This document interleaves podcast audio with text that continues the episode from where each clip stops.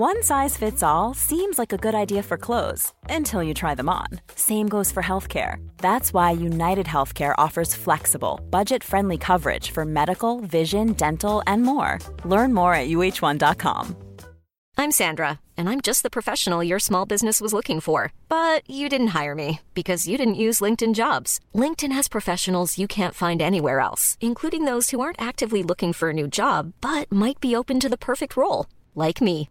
In a given month, over 70% of LinkedIn users don't visit other leading job sites. So if you're not looking on LinkedIn, you'll miss out on great candidates like Sandra. Start hiring professionals like a professional. Post your free job on linkedin.com/people today. Quality sleep is essential. That's why the Sleep Number Smart Bed is designed for your ever-evolving sleep needs. Need a bed that's firmer or softer on either side? Helps you sleep at a comfortable temperature? Sleep Number Smart Beds let you individualize your comfort so you sleep better together. JD Power ranks Sleep Number number 1 in customer satisfaction with mattresses purchased in-store. And now, save 50% on the Sleep Number limited edition Smart Bed for a limited time. For JD Power 2023 award information, visit jdpower.com/awards. Only at a Sleep Number store or sleepnumber.com.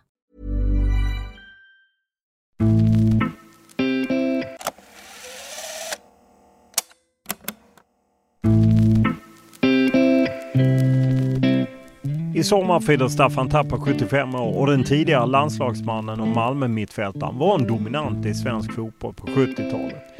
När jag poddintervjuade Tapper 2015 talade han om VM 1974 i Västtyskland och det är en av de intressantaste intervjuerna i min poddserie. Staffan Tapper berättade om Sveriges VM-äventyr, om det täta umgänget med pressen, om att förbundskapten Georg Eriksson snackade startelva med en utsänd reporter, om all energi Åby Eriksson lade på VM-låten, om att Tapper och Bosse Larsson tjänade extra på att spela i rätt sko och om den där missade straffen. Dessutom hade Tapper tydliga åsikter om hur fotbollen idag, både från spelarhåll och klubbhåll, måste öppna sig.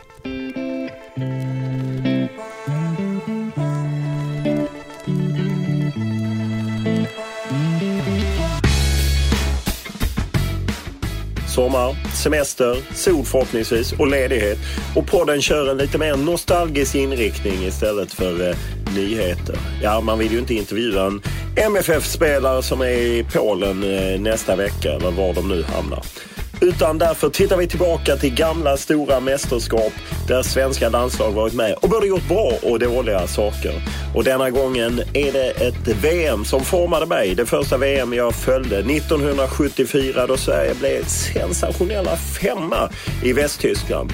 Och vi träffar eh, Staffan Tapper. Vi och vi, det är ju bara jag. Jag träffar Staffan Tapper på Swedbank stadion i Malmö och vilken man! Eh, jag är helt eh, fascinerad av honom och eh, det han har att säga. Och som ni ska få lyssna på snart. Och det var ju lite, jag kände mig lite som han själv berättar om längre fram i podden. Det här med straffen. Han missade ju en straff och det blev ju en rätt stor grej får man säga. Han missade en straff mot Polen som, ja, det kostar ju lite men så är det ju i fotboll. VM 74 var annars en fantastisk turnering och Ronny Hellström blev med i världslaget och Ralf Edström skakade tyskarna. Och, ja, det var ett eh, mästerskap eh, som gör att man ibland kan längta tillbaka till förr i tiden. Men vi vet ju alla att det är inte bättre förr. Det var bara annorlunda. Så att det är Staffan Tapper, mittfältare i Georg Åby Erikssons landslag i VM 74 som vi träffar på Swedbank stadion för att blicka tillbaka till ett VM som satte folk i brand och där VM 74 nästan blev som VM 94-generationen i popularitet. Alla vill ha långt hår som Ralf och så. Och som vanligt en faktaruta i starten och denna gång med Staffan Tapper när han ska åka till Västtyskland 1974.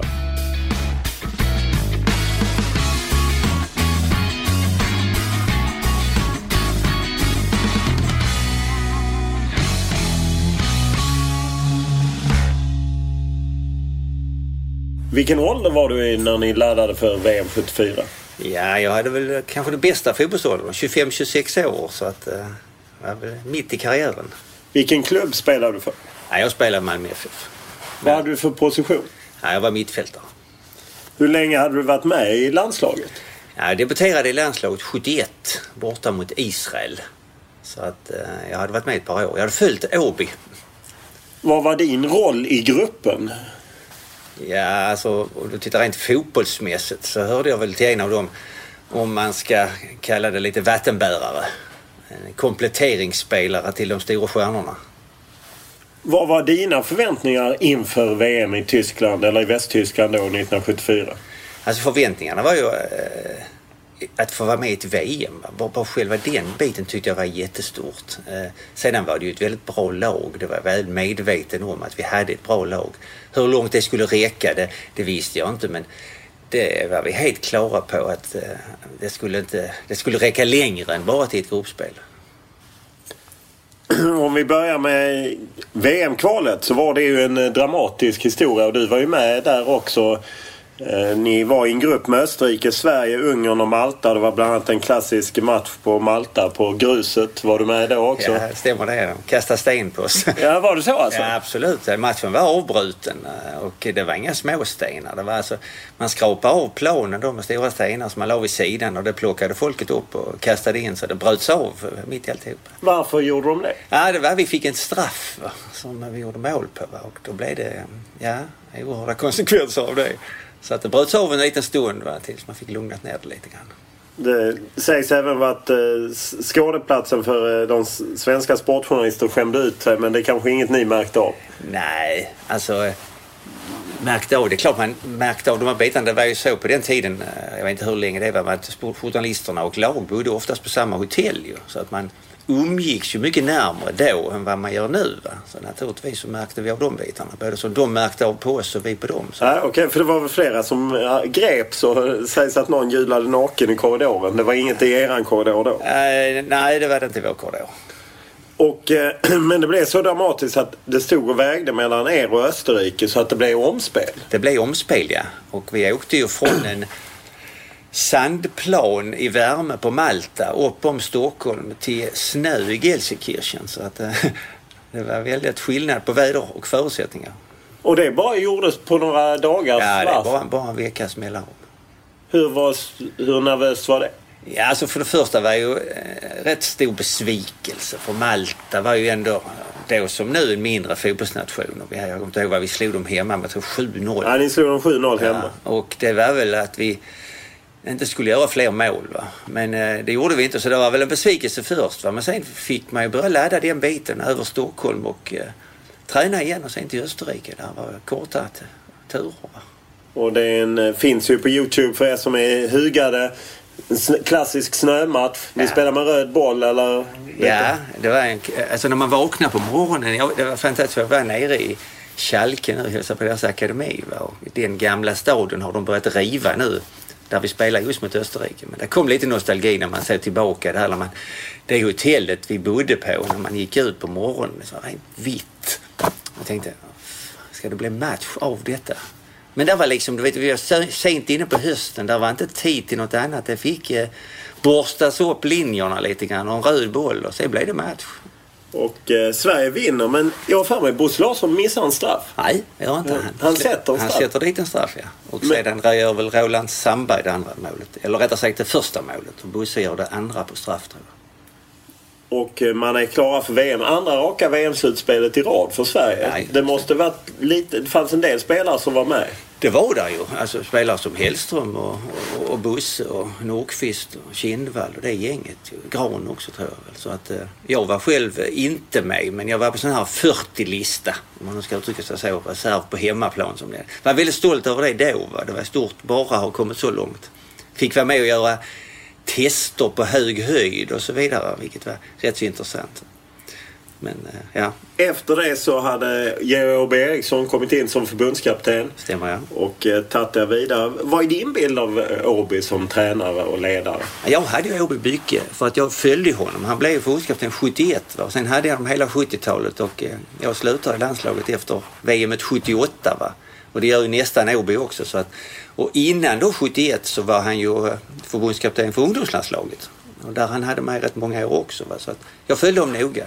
Eh, bilden av Åby för mig är ju tydligen stor ledargestalt.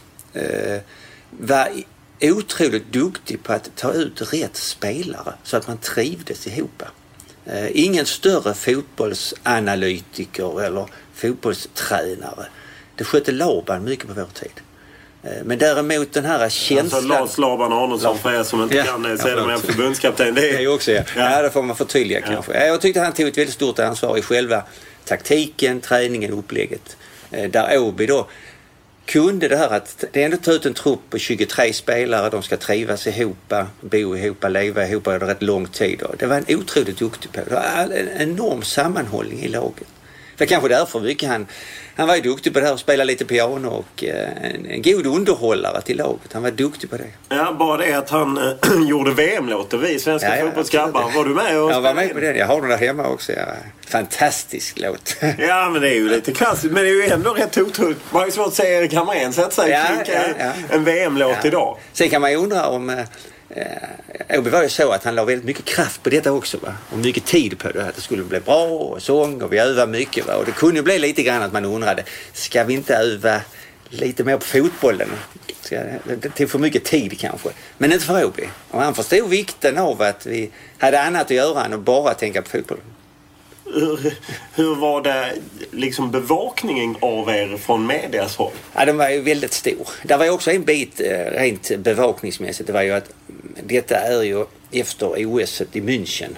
Där eh, den här tragiska olyckorna med, med, med Attentat 72. Attentatet 72 ja. Detta gjorde ju att vi hamnade ju i ett VM där vi var hårt bevakade så att säga. Man, man låstes in nästan i, i rummen på natten och tysk och militär noggrannhet. Och det kändes lite konstigt. Det var vi inte riktigt vana vid. Men eh, det gick ju att hantera det också på ett bra sätt. Innan ni åkte till Västtyskland hade ni något träningsläger? Var ni... ja. ja, vi låg nere i Ystad faktiskt. Va? En vecka innan vi åkte. Och... På Saltsjöbaden? Saltsjöbaden, ja. ja. Ja, det var en härlig tid. Krögaren i Ystad, han glömmer aldrig det för han la ut annonsen att kom och dansa med svenska landslaget. Va? Det hade varit otänkbart kanske idag att lägga ut en sån löpsedel i Ystad Allehanda. Ni var där och dansade varje kväll? Alltså. Ja, dansade. Vi bodde på ett hotell där som var dans och vi hade våra fruar där nere kom också ner och hälsade på. Va? Men han tyckte det ändå var så trevligt. Och detta var ju att man umgicks ju med sina fruar och man umgicks bland andra människor på ett annat sätt än vad man gör idag. Man var inte rädd för att vi åt och hade dans på kvällen med andra folk så att säga och blandades upp i det. Va? Sen gick vi bort och gick och la oss. Och, men det var ändå en, en form som var mycket, mycket lättsammare än idag. Det är otänkbart idag. Ja, jo. det, det låter... Kom och dansa med Zlatan. Ja, ja. Det, det var inte meningen så. Men han tyckte det. Jag kommer ihåg, jag kommer ihåg det bara för det var en sån härlig annons. Jag jobbade sen i Ystad och bodde i Ystad jag och min fru rätt många år. Det var lite oförglömligt. Hur var den mediala bevakningen? Ja, alltså jag har ju inga referenser så här va, men den var ju stor. Det var ju ett VM. Naturligtvis var det stort. Va? Och eh, förhoppningarna var ju stora också. Och jag tror också Åby var väldigt duktig medialt. Va? Dessutom var vi nog rätt så lätthanterliga alltså, när det gäller för media. Vi ställde ju alltid upp. Va? Alltså, vi hade ju pressen i omklädningsrummet och efteråt och intervjuer. Det var ingen som tänkte så här liksom, nej jag ställer inte upp eller jag, jag, jag vill inte vara med eller så här. Det, det, det fanns liksom inte i tanken ens en gång. Nej, för det var ju på den tiden när Bo Widerberg gjorde filmen om filmen. Ja, till och med det. Spelade in filmer där ni var med. Ja, och liksom ja. i Ja, skötte avspark inför ja, riktiga ja. matcher och ja, liknande. Ja, det var helt ofattbart egentligen. Och det, det, det var också den här biten, alltså, det hade ju aldrig gått om det inte varit Åby. Som var alltså det där med var vän och social och utåtriktad och vi, vi, skulle vara en grupp som kunde hantera de här bitarna också. Men med all rätt och det, det gjorde vi. Var det en styrka eller en svaghet? Nej, det var en styrka. Helt klart. Helt klart.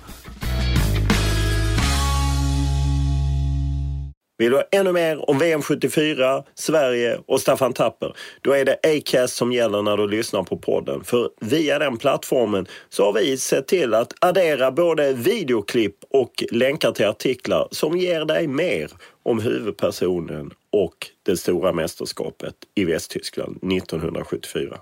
När ni åkte, hade ni förhandlat fram några bra avtal med stora bonusar eller hur nej, fungerade det? Nej, nej, det fanns inte. Man hade ett avtal med med förbundet liksom som eh, gjorde en viss summa pengar som var väldigt minimal, jag på säga. Eh, avtalet i Tyskland kan jag komma ihåg. Eh, det jag förvånade mig på, det jag fick mest betalt av, det var faktiskt skoföretaget. Nu kanske inte jag ska nämna det så här. Va? Ja, det gör inte. Nej, nej, men det var Adidas. Va? För då, då vi spelade deras skor, kommer jag och Bosse. Och då kom de upp och, under VM att betala för varje match. Va?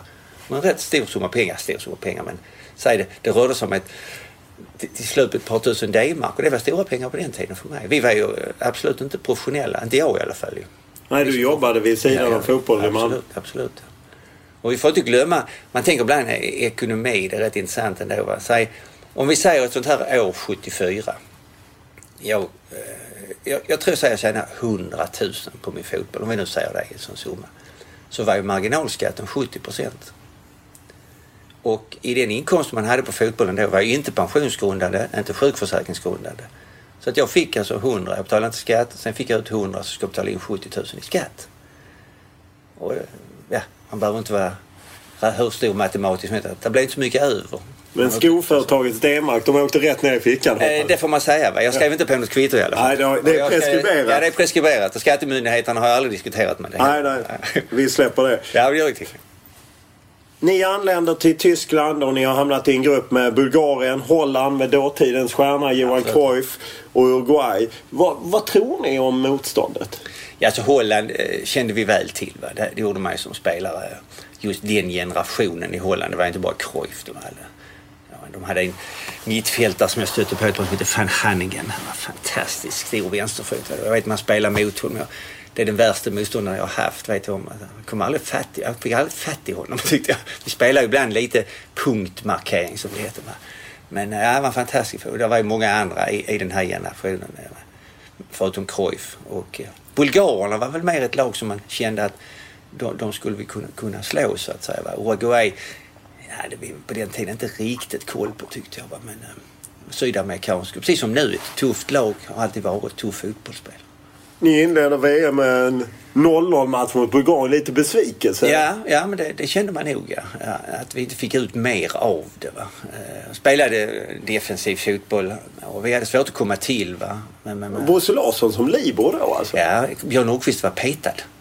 Det var väl ett sensationellt eh, beslut som Åby tog. Va? Och då ska vi inte glömma att Åby kommer från sitt Norrköping och Björn Nordqvist var ju Norrköpingskille och fostrad av Åby nästan. Och där inför den matchen så, så petar han Nordqvist och låter Bosse spela libero och Kent Karlsson mittback.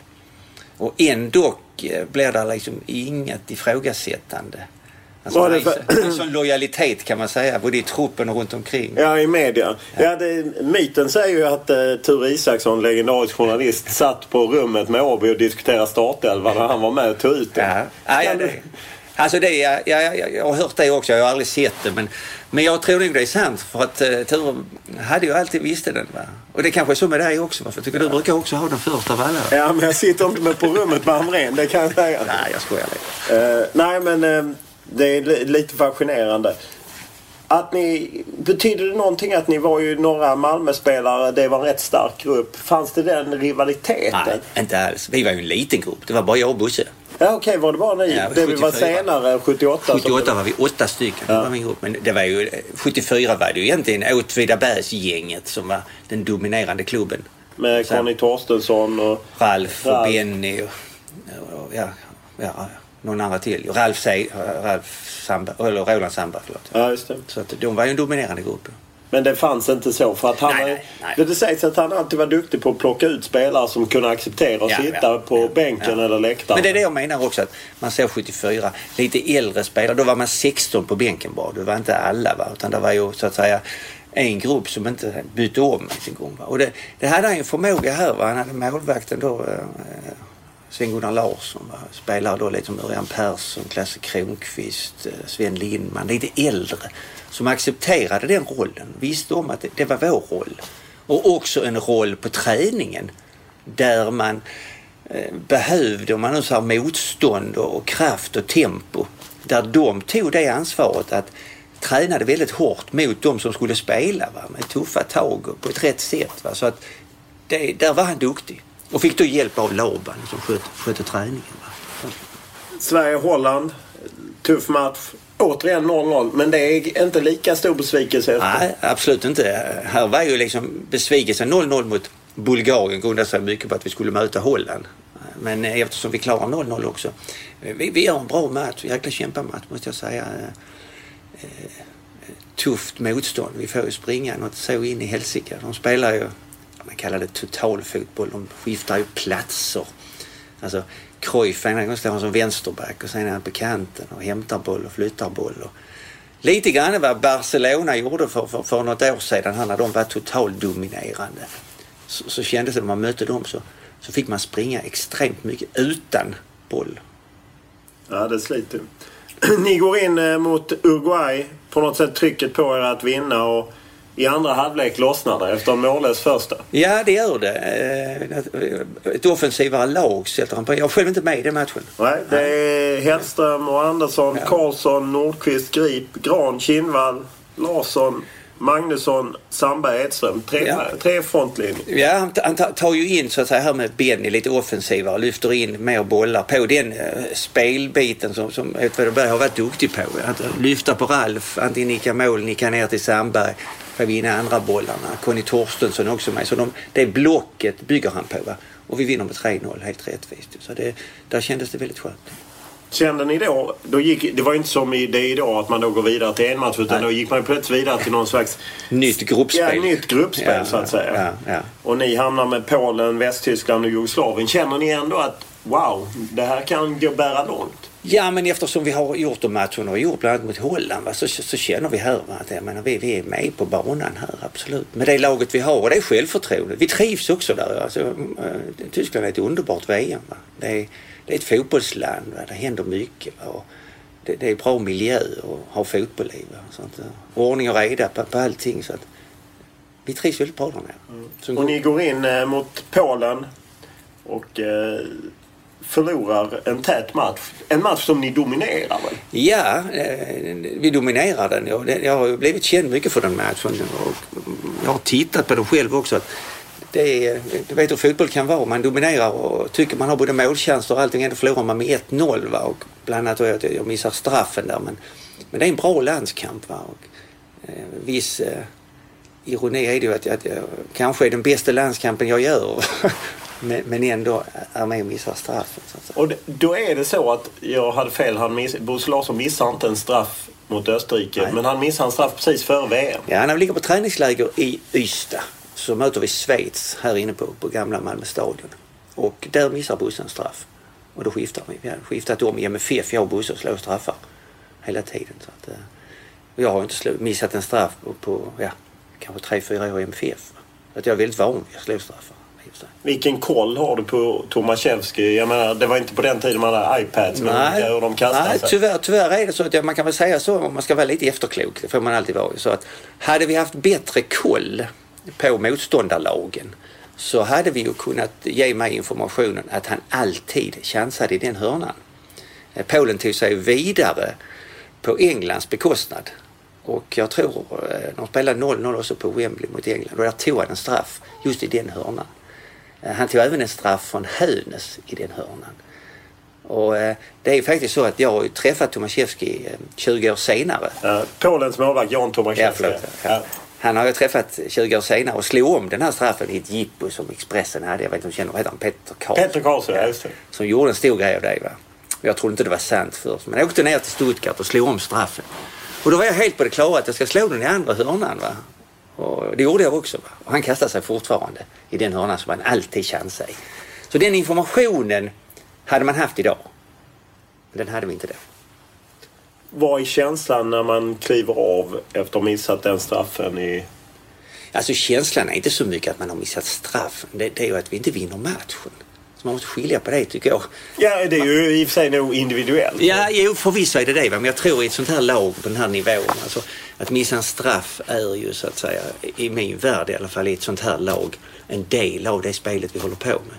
Det, det är mer irriterande att vi inte vann totalt när vi gör en sån bra match än att jag själv då missar straffen. Det låter kanske konstigt så här efteråt men sen är det ju så med både media och, och folk som upplever det att jag blev känd och är känd för Staffan som missar straffen. Va? Och det har att göra med just att, att, att jag inte är den spektakulär eller var den spektakulära fotbollsspelaren. Men eh, jag säger det att det är fantastiskt att bli ihågkommen för något, brukar jag säga. Då, då, då, får man, då får man ta missen som något väldigt positivt. Det fanns ju inte sociala medier då så nej, du kunde nej. inte bli förföljd där. och jag, men jag har bara sånt minne av eh, min farsa berättade när jag växte upp eftersom jag följde detta. Ah, men att din, fa, din pappa Börje Tapper som också var storspelare att han blev liksom nerringd av folk som var upprörda efter nej, det. Nej, det stämmer inte. Det stämmer inte alls. Nej. Hur var reaktionerna när du kom hem? Ja, jag förstod när jag kom hem att det är ju så här att när det lag, svenska landslag i fotboll eller hockey som har varit på något stora turneringar och det har gått bra eller folket har levt med. Va? Då har man också levt med i soffan på något vis. Som vi som har varit på arenan inte riktigt, eh, eh vad ska jag säga, har, har förstått. Va? Ta 94-gänget och allt det här. Va? Så när jag kom hem också så förstod jag också på min arbetsplats att man var lite försiktig med att nämna det här om straffen. Va? Eh, liksom att, eh, ja det var bra ändå Staffan, ta inte det så allvarligt, hoppas du mår bra ändå. Va? Jag tyckte det var rätt konstigt, varför pratar ni om det? Varför skulle jag inte göra det? Men då hade man liksom i press och sociala medier och på radio diskuterat och det var ju rubriker att Staffan Tapper, ska han fortsätta spela boll och allt det här.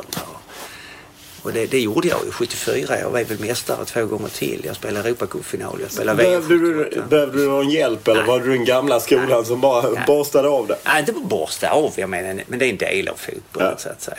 Jag, jag, jag, kan väl säga så här om jag tar en liten, jag jobbar med akademier och ungdomar. Och jag tycker det är ett gott exempel att jag, när jag startade akademin, hade årskurs sju, så kom där eh, de här barnen, de är då 13 år, första klassen jag hade. Så berättar vem jag är, Staffan Terper. De vet ju inte vem jag är riktigt. Men så prata med far och farfar. Så kom de ju tillbaka. Åh, oh, det är du som missar straffen. Då skrev jag alltså på tavlan. Straffmissarklubben, Staffan Terper. Men det gick ju inte så lång tid för han, Zlatan hade också missat en straff. Henke missade en straff. Och till slut blev det när lille Putte kom på måndagen och var lite sur. Och jag frågar Putte vad är det som har hänt? Ja, du kan sätta upp mig på den där jävla tavlan för jag missar straff. Då blir det liksom avdramatiserat lite grann. Man måste använda det på det viset. Så att, eh, så att inte barn upplever alltså det ordet som kanske media kan ordet misslyckas. Eller det. det är ett fruktansvärt ord egentligen i, ett barns värld och även för en vuxen. Så att det, en fotbollskarriär som min egen och så har jag misslyckat. Det stämmer inte. Det är skönt. Ja.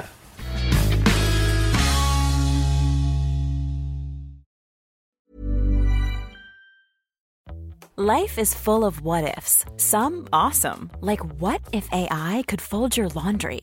And some, well, less awesome, like what if you have unexpected medical costs? United Healthcare can help get you covered with Health Protector Guard fixed indemnity insurance plans. They supplement your primary plan to help you manage out of pocket costs. No deductibles, no enrollment periods, and especially no more what ifs. Visit uh1.com to find the Health Protector Guard plan for you. Quality sleep is essential. That's why the Sleep Number Smart Bed is designed for your ever evolving sleep needs. Need a bed that's firmer or softer on either side? Helps you sleep at a comfortable temperature? Sleep Number Smart Beds let you individualize your comfort so you sleep better together. JD Power ranks Sleep Number number 1 in customer satisfaction with mattresses purchased in-store. And now, save 50% on the Sleep Number limited edition Smart Bed for a limited time. For JD Power 2023 award information, visit jdpower.com/awards. Only at a Sleep Number store or sleepnumber.com. I'm Sandra, and I'm just the professional your small business was looking for, but you didn't hire me because you didn't use LinkedIn Jobs. LinkedIn has professionals you can't find anywhere else, including those who aren't actively looking for a new job but might be open to the perfect role, like me. In a given month, over 70% of LinkedIn users don't visit other leading job sites. So if you're not looking on LinkedIn, you'll miss out on great candidates like Sandra. Start hiring professionals like a professional. Post your free job on linkedin.com/people today.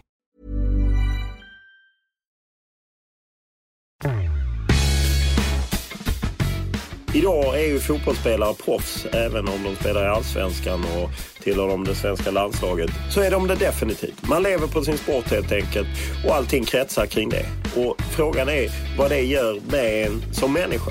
Det är något eh, Staffan Tapper har funderat på.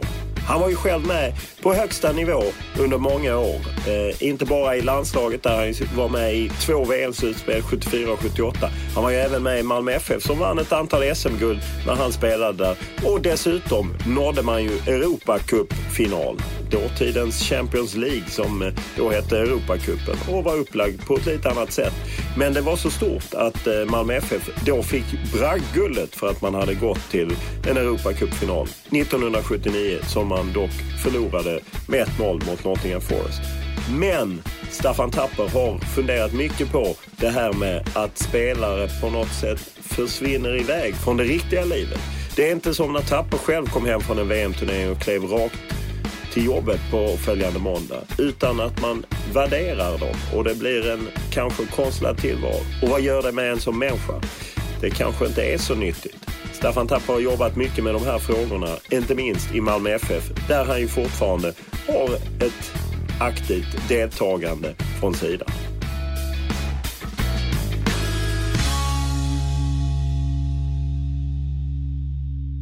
VM-slutspelet gick ju vidare och det var framförallt en, jag tror en match som många minns även om det blev en förlust. För ni möter Västtyskland, liksom favoriterna och Ralf drar in det här klassiska målet. Ni har dem lite i, i, i gungning, ja. eller hur?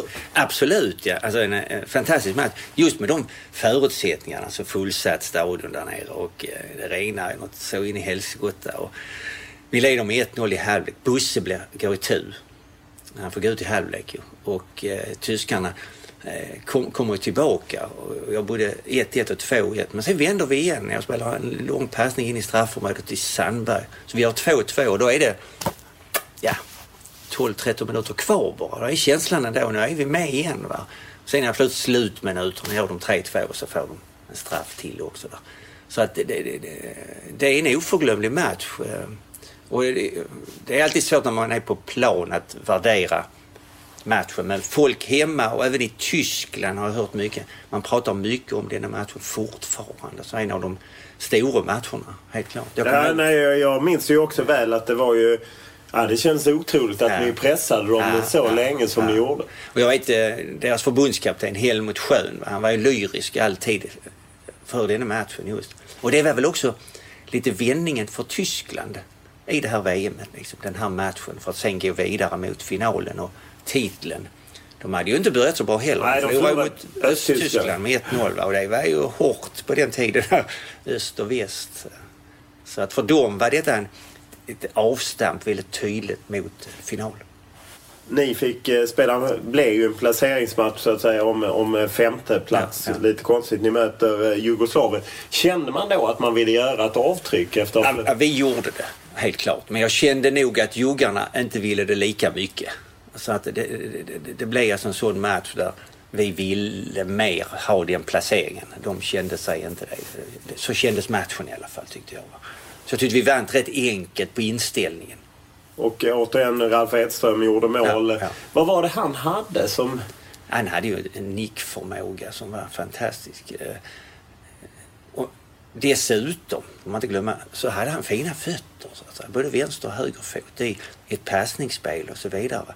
Eh, vi är långa båda jag och Alf. Det innebär att man ser ju alltid lite sävlig ut brukar jag säga, en lång spelare. Och det såg Ralf ut också. Men Ja, men en väldigt fin spelare faktiskt. Och sen hade ni Ronny Hellström i mål som till slut kom med i världslaget ja, också. Absolut, ja.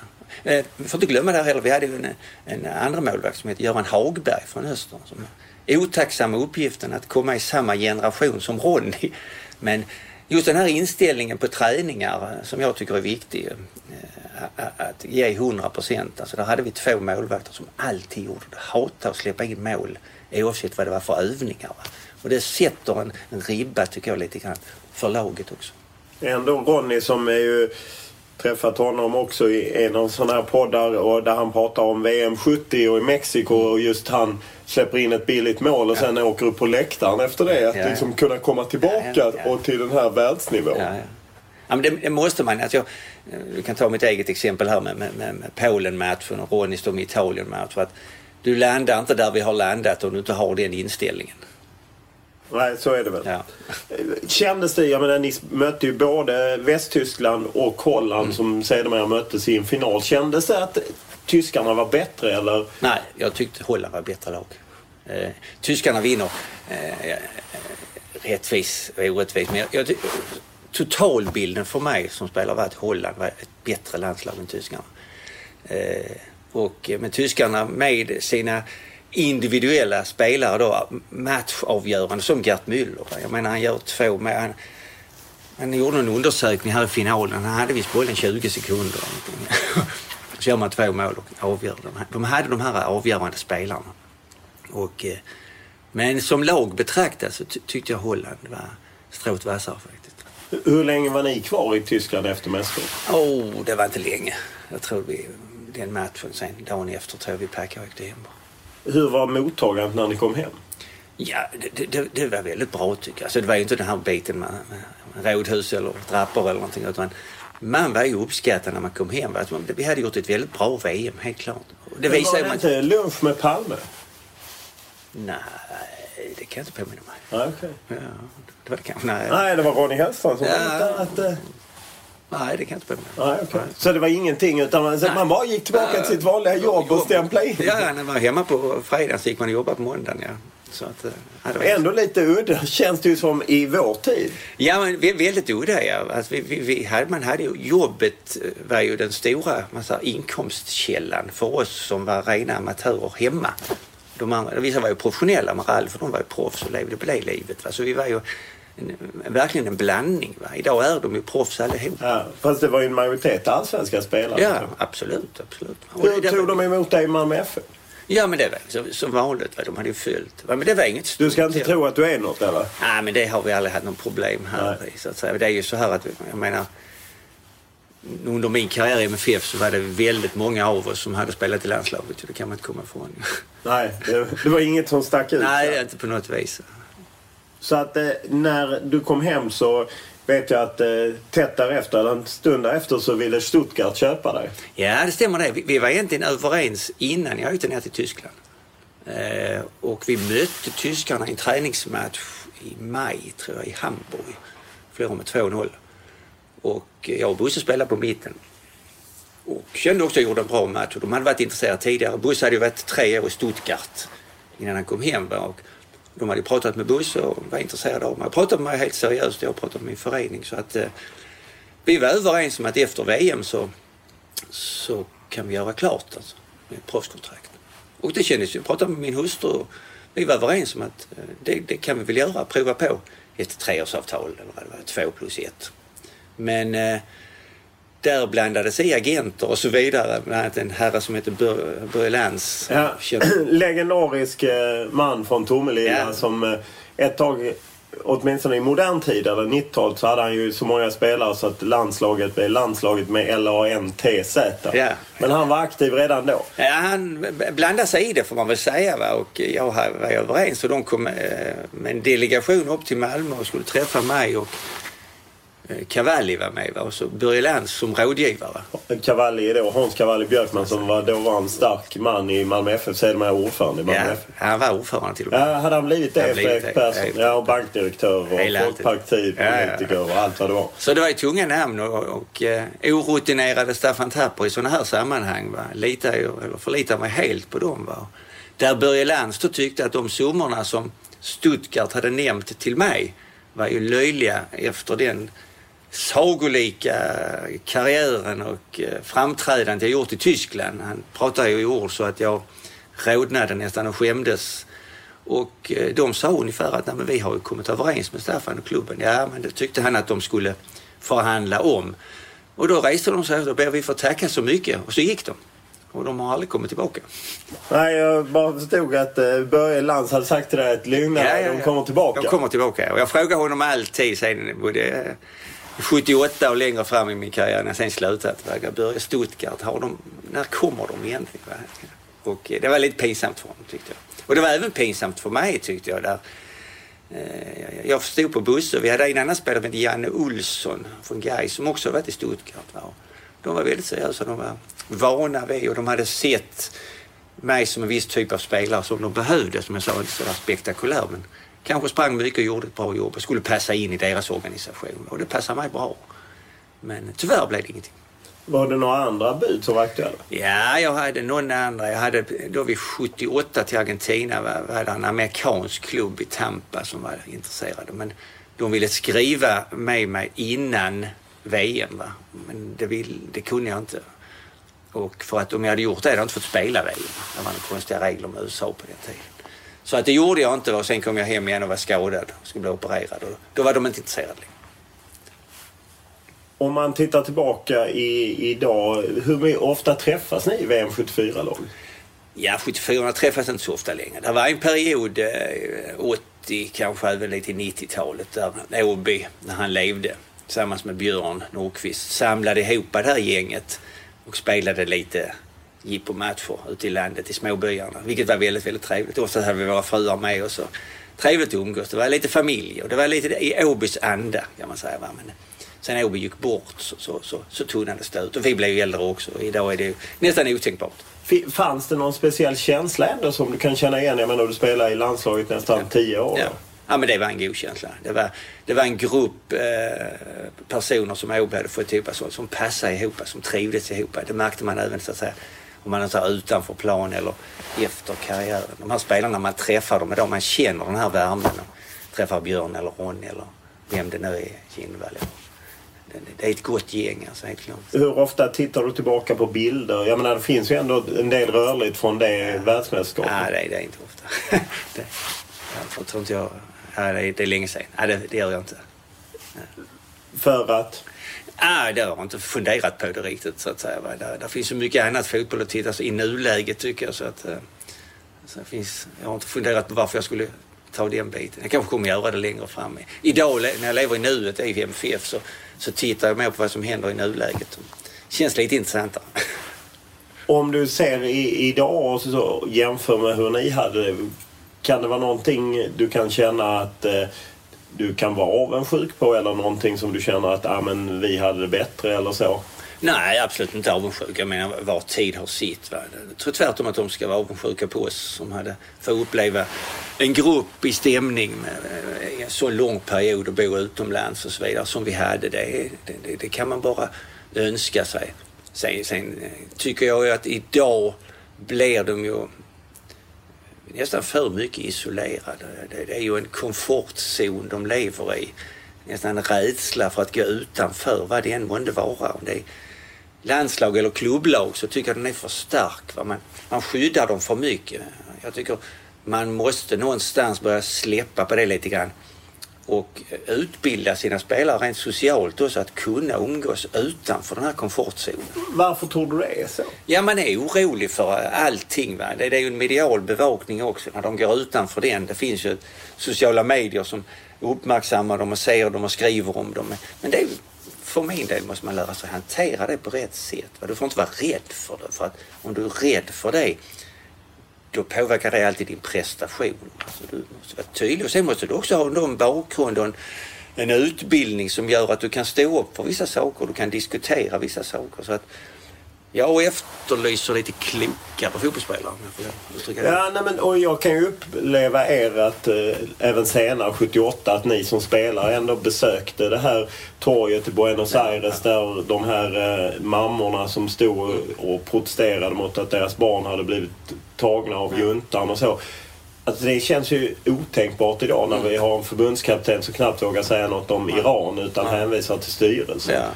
Ja, nej, jag, jag, jag, tycker att man måste, man måste bilda sig en uppfattning men då måste man själv också vara lite nyfiken. Va? Då kan man liksom inte bara vara fokuserad på fotbollen. Bara för att jag är fotbollsspelare så måste jag 100% vara fokuserad på fotbollen. Det tycker jag inte är rätt. Bara för att jag är banktjänsteman så måste jag inte bara vara 100% fokuserad på banken. Va? Du måste ha ett liv runt omkring. Du måste ha intresse, du måste läsa, studera, åsikter och bilda dig och ha en uppfattning om saker och ting om det. Eh, om skola eller någonting annat. Va? Familjen växer upp, du får barn. Du måste liksom komma ur komfortzonen lite grann och bilda dig uppfattningar. Ta vem, del av flödet. Vem ser ansvaret? Är det... Individen. Det är bara individen, Nej, det är inte, inte förbund eller klubbar? Nej, men klubbarna ska ju försöka alltså, att stimulera individen. Ju. Alltså, du kan inte säga till individen du ska... Om klubben här säger till spelarna du ska bara satsa på fotboll, Ingenting. annat. Du ska bara tänka fotboll 100%. Då tycker de gör fel. För då begränsar man dem enormt mycket. För det är ändå många, många beslut som måste tagas både på plan och utanför plan av individen. Och idag går det snabbt. Och ju mer information du har gett dig själv så har du större chans att ta bättre beslut. Jag kan ju uppskatta när Roy Hodgson under inför VM, eller EM i Polen tog med sig ett gäng spelare till Auschwitz, ett annat gäng spelare åkte till Oskar Schindlers fabrik ja. liksom för att se. Och det är ju ändå några dagar innan en tävlingsmatch. Ja. Medan man i Sveriges landslag så vill man inte göra så ja. för att man stör eventuellt prestationen. Ja. Jag tycker helt fel. Ja, jag tar, om, nu är jag inte ute längre med mina akademier på det viset men om, skulle vi åka, vi var nere i Belgien, så, närheten, så var jag och tittade på slaget vid Waterloo. Så var vi tittade på det minnesmärket. Pratade jag om det. Va? Du måste få andra perspektiv i livet som är oerhört viktiga. Och de bitarna, alltså din omvärld är ju oerhört viktig. Och det är inte bara det som är nära här. Det är som du säger själv Irak eller Iran eller Argentina.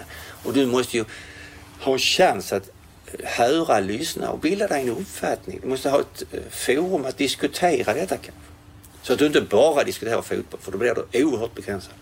Du har ju jobbat eh, med Malmö FF. Nu jobbar du med ett projekt eh, Malmö i samhället, eller klubben i samhället. Du har gjort ett tag.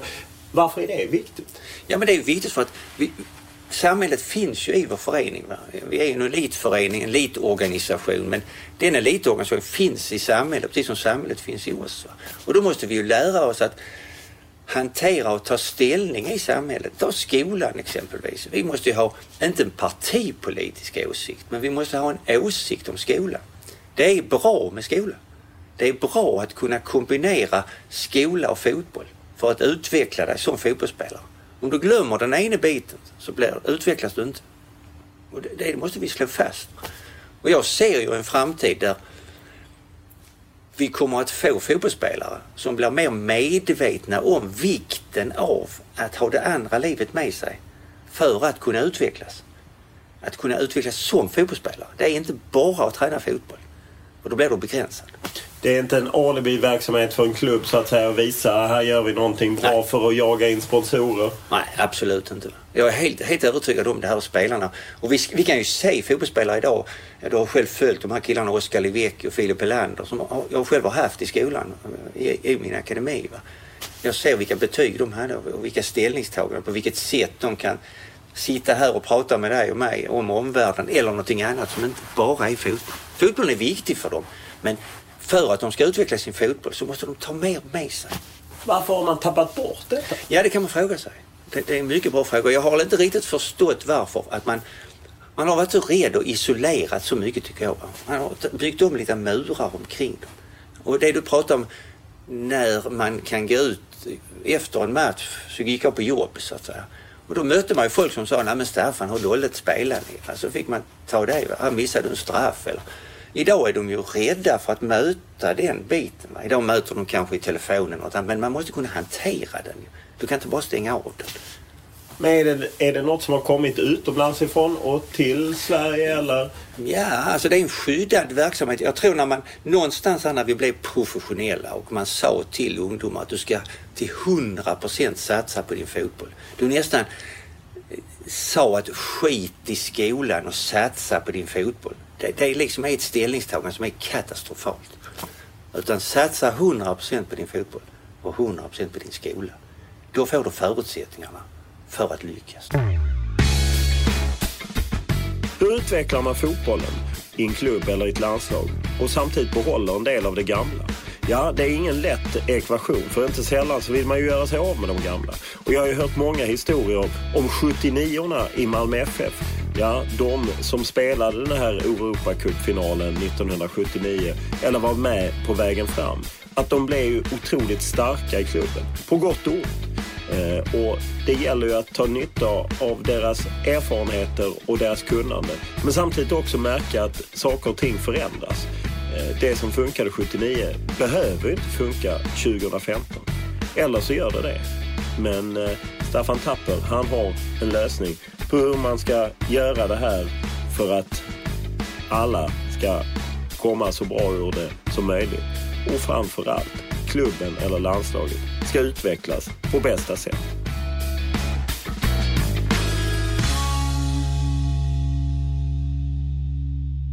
Hur mycket följer du dagens fotboll? Jag följer den noga, gör jag. Så, så noga jag kan. Alltså både eh, på TV, man tar nu U21 eller live eller följer med och tittar på matcher både i, Sverige och utomlands när vi är och åker. Tycker Hur trist är det att inte vara involverad? Ja, men det känns rätt bra ändå tycker jag. Att involverad. Vi är ju alltid involverade. Inte minst för att vi alltid har åsikter, den här generationen som jag har. Och vi är ju... 79orna ja. Ja, 79orna kallar vi Men det, det är ju så här att MFF är ju ändå eh, jag tycker MFF är en förening som har varit, och det sitter lite i väggarna, att tillvarata lite äldre spelare. Du såg själv, vi hade spelare här, Jan-Elof Kindvall, Per Ågren som sitter här sidan om. Och det är ju för att det är inte bara att man ska ta vara på spelare utan de måste ju tillföra någonting. Det kan inte vara bara för att de är gamla spelare, för då har vi inte nytta. Så du måste skilja på det också. Och jag tror ändå att vi har idag i vår organisation kanske 20-25 namn som har spelat i MFF på olika nivåer och landslag som är på något vis engagerade i föreningen. Och det tycker jag är rätt starkt. Det är en fundament också. Liksom. Ibland, eh, för de som inte är så historiskt kunniga, 79orna är de som var med och spelade på 70-talet framförallt men då tog Malmö FF till en Europacupfinal. Dåtidens Champions League-final. Ja. Otänkbart idag. Ni mötte Nottingham Forest, du var med, fick ja. gå av efter en halvtimme med en skadad tå. Stämmer precis ja. ja. Ibland har det ju hetat att 79 har haft för stort inflytande. Att ni liksom lagt eh, ja, men en väldigt hög ribba. Ja. Det närmaste tyskar vi har i Sverige skulle jag säga. Att eh, vi gör så här, annars är det fel. Ja, jo det, det, det har vi höra mycket. Va? Men det är lite en okunskap också. Det är ju så här att eh, vi är ju fostrade, många av oss, i den engelska, lite gamla stilen med Bob Houghton och, och sedan Roy Hodgson. Men det, det är så att alla drar oss då över en kam lite grann också. Och Bob sa ju själv som tränare till oss att vi var ju inte professionella men det var den mest professionella grupp han hade haft. Och vi var ju väldigt duktiga på att göra som tränaren ville. Och det är en egenskap som är rätt bra. Att tränaren förstår att jag har duktiga spelare, de lyssnar och är kloka och de försöker till 100% göra vad jag säger. Men det innebär inte att de till 100% är överens om det. Det kan ju vara så att de har andra åsikter när de själv blir tränare. Men vi fick den kammen över oss att alla vi var 100% avlade av Bob Houghton. och det blev ju allt det här med långa bollar och tråkig fotboll. Och, och sen blev det en, en, en eh, motstånd med förbundet. Vi fick ju Laban på den sidan. Mm. Lars fick... Laban Arnesson ja, stod för den tyska fotbollen. Ja, och... Ni stod för det brittiska och det blev ju en kamp egentligen under delar av 80-talet. Absolut ja.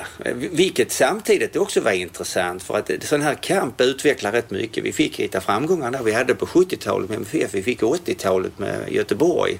Vi fick fram tränare som Svennis och så vidare, Tor Grip och de här gossarna i den här kampen att förbättra sig och visa att man är bra och bättre. Så och egentligen kan man ju säga VM-bronset 94 mycket ur Roy Hodgsons anda. Absolut, absolut. Så att jag menar allt den här biten, konkurrensen och tävlingsviljan och att bli bättre än de andra. Och det kan jag säga idag. Va? Att jag hoppas liksom att det blir, vilket jag är övertygad om, att det vi gjorde i fjol här i MFF och gick vidare till en viss nivå har ju triggat de andra lagen. Va? Nu är de andra lagen väldigt på hugget här, va? vilket jag tycker är väldigt stimulerande för svensk fotboll. Och att kunde de kan vi ungefär. Och det är en viktig ingrediens. 74 kom ni femma, vilket ju var väldigt stort då. 94 tog Sverige brons. 2014 i Brasilien var inte Sverige med. Tror du tiden har sprungit förbi svensk landslagsfotboll på här nivå? Nej, den har inte sprungit förbi. Det har den inte gjort. Men vi måste nog försöka Eh, Eh, stanna upp lite och tänka till lite grann. Hur är det vi vill ha det? Vi har ju haft en Zlatan-kultur här så, som börjar rinna ut i den sanden. Det kan vi inte komma ifrån. Va? Vi har förlitat oss väldigt mycket på en fantastiskt stor spelare. Och eh, det måste vi nog tänka till. Hur ska det se ut och vad vi ska göra åt det? Va? Det finns bara en Zlatan, det kommer aldrig att finnas en ny. Och eh, det måste man hantera på något vis. Va? Han har tagit väldigt stor plats även i, i media eh, överallt. Han är den personen som tar plats och ska ta plats men det börjar sen rinna ut lite grann. Vad gör vi sen? Och hur ska det se ut? Hur ska vi bygga Har han tagit för mycket plats? Det kan jag inte uttala mig. Ingen aning. Jag, jag tycker han har tagit den platsen han är värd att ta. För så stor är han. Jag, jag tycker han är... Alltså det han kan göra med boll och rörelser, det, det kan inte min hjärna tänka ens en gång. Det är, det är en helt annan nivå. Och jag tycker det är en fantastisk eh, personlighet också, tävlingsmänniska som har, har skött sitt sociala liv också. Fastän han har varit så stor har han klarat av det också med sin familj och allt det här på, på ett väldigt bra sätt tycker jag. Och jag känner honom sådär i ytterkanten kan man väl säga. Va? Men han följer oss väldigt noga, Zlatan. Alltså, han vet vad som händer i MFF. Han vet vad som händer med våra akademier. Hans bok om vi behöver någonting. Va? Så att han, är, han är väldigt god att ha att göra med tycker jag. Som människa.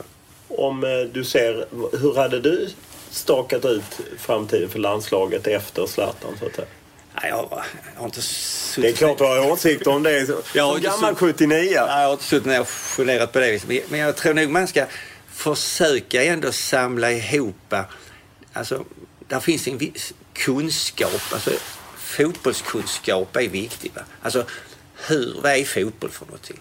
Det är också viktigt. Idag har vi väldigt många åsikter och det ska vi ha, det är inte det. Men vi måste också försöka, vem är det som kan det här? Vem är det som har utbildningen? Va? Vem är det som har stått på de stora arenorna? Vad har de för erfarenheter? Vad har de att, att, att, att lära ut? Vad kan man samla ihop detta? Finns det människor som har den här kapaciteten? Som, som vi skulle kunna ha nytta av för att utveckla det? Eller, Det eller låter som det? du är inne och talar om...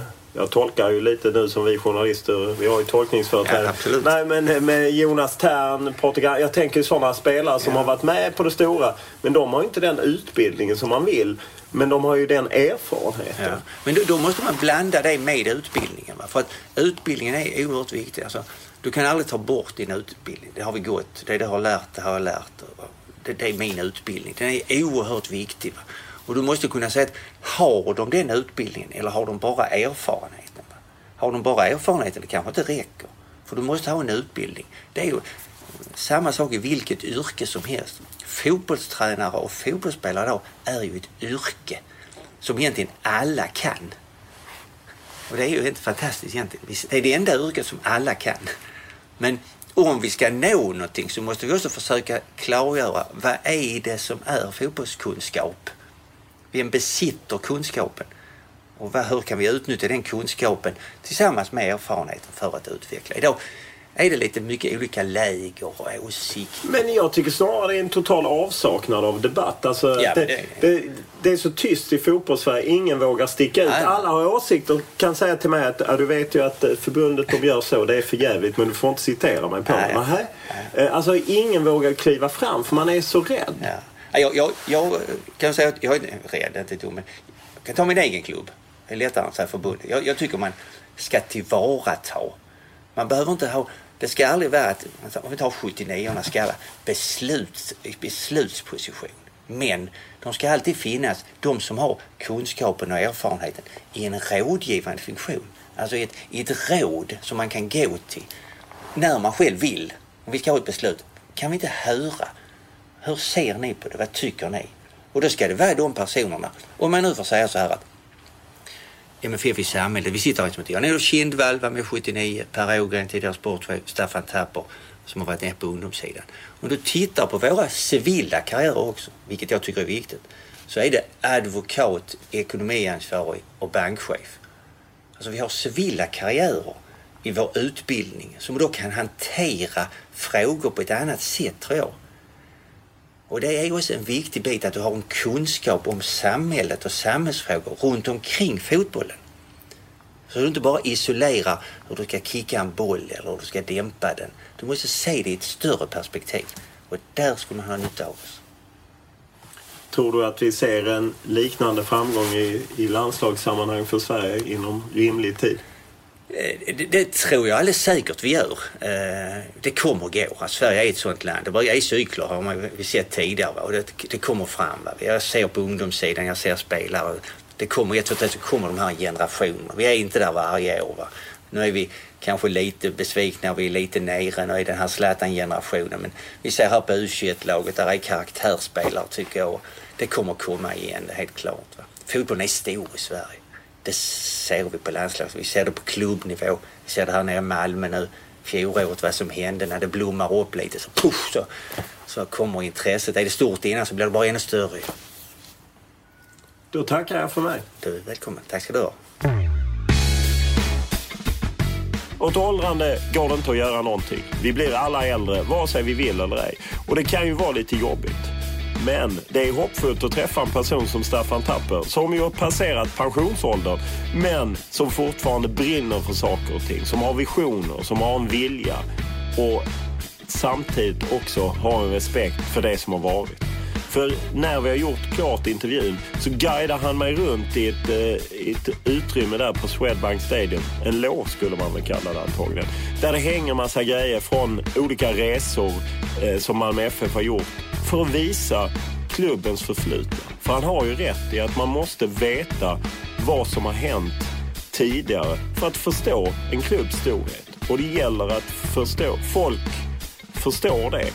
Både de som jobbar i klubben och de som spelar i klubben och de som står på läktaren. Och de flesta på läktaren har ju en hel del koll. Men kanske man inte har det om man är en eh, nyinvärvad spelare, antingen från utlandet eller någon annan del av Sverige. Då måste man ju förstå vad det innebär att spela för Malmö FF. Och det jobbar Staffan Tapper stenhårt för. Och jag gillar det. Eh, och det går att ta på hans entusiasm.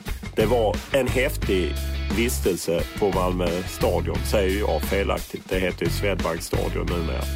Malmö stadion ligger bredvid. Men det var en häftig upplevelse att träffa Staffan Tapper och eh, få del av hans energi som verkligen gick att ta på. Podden kör vidare. Det är nostalgi tema som gäller svenska mästerskap som både gått bra och dåligt mellan 13 juli och 17 augusti. Sex olika spelare berättar om sina mästerskap. Det är bara in och leta på fotbollskanalen.se eller iTunes, Acast, Podcaster eller var ni nu hittar era poddar. Eller så gör man det enkelt för sig och går in och googlar Lund, L-U-N-D-H. Konstigt nog tror jag inte den kommer fram lika givet på om man googlar mitt förnamn. Men det kanske den gör också. Eh, men testa, den heter ju Lund. Varför den nu har döpts till det. Det, det bara blev så helt enkelt. Och där hittar ni fler avsnitt och eh, det är bara att haka på. Och som vanligt är jag tacksam för alla hejarop och jag tar även kritiken och alla frågor ni har. Bäst är Twitter, Instagram där jag har samma namn, Olof Lund i ett ord. Eller mejl, olof.lund.tv4.se.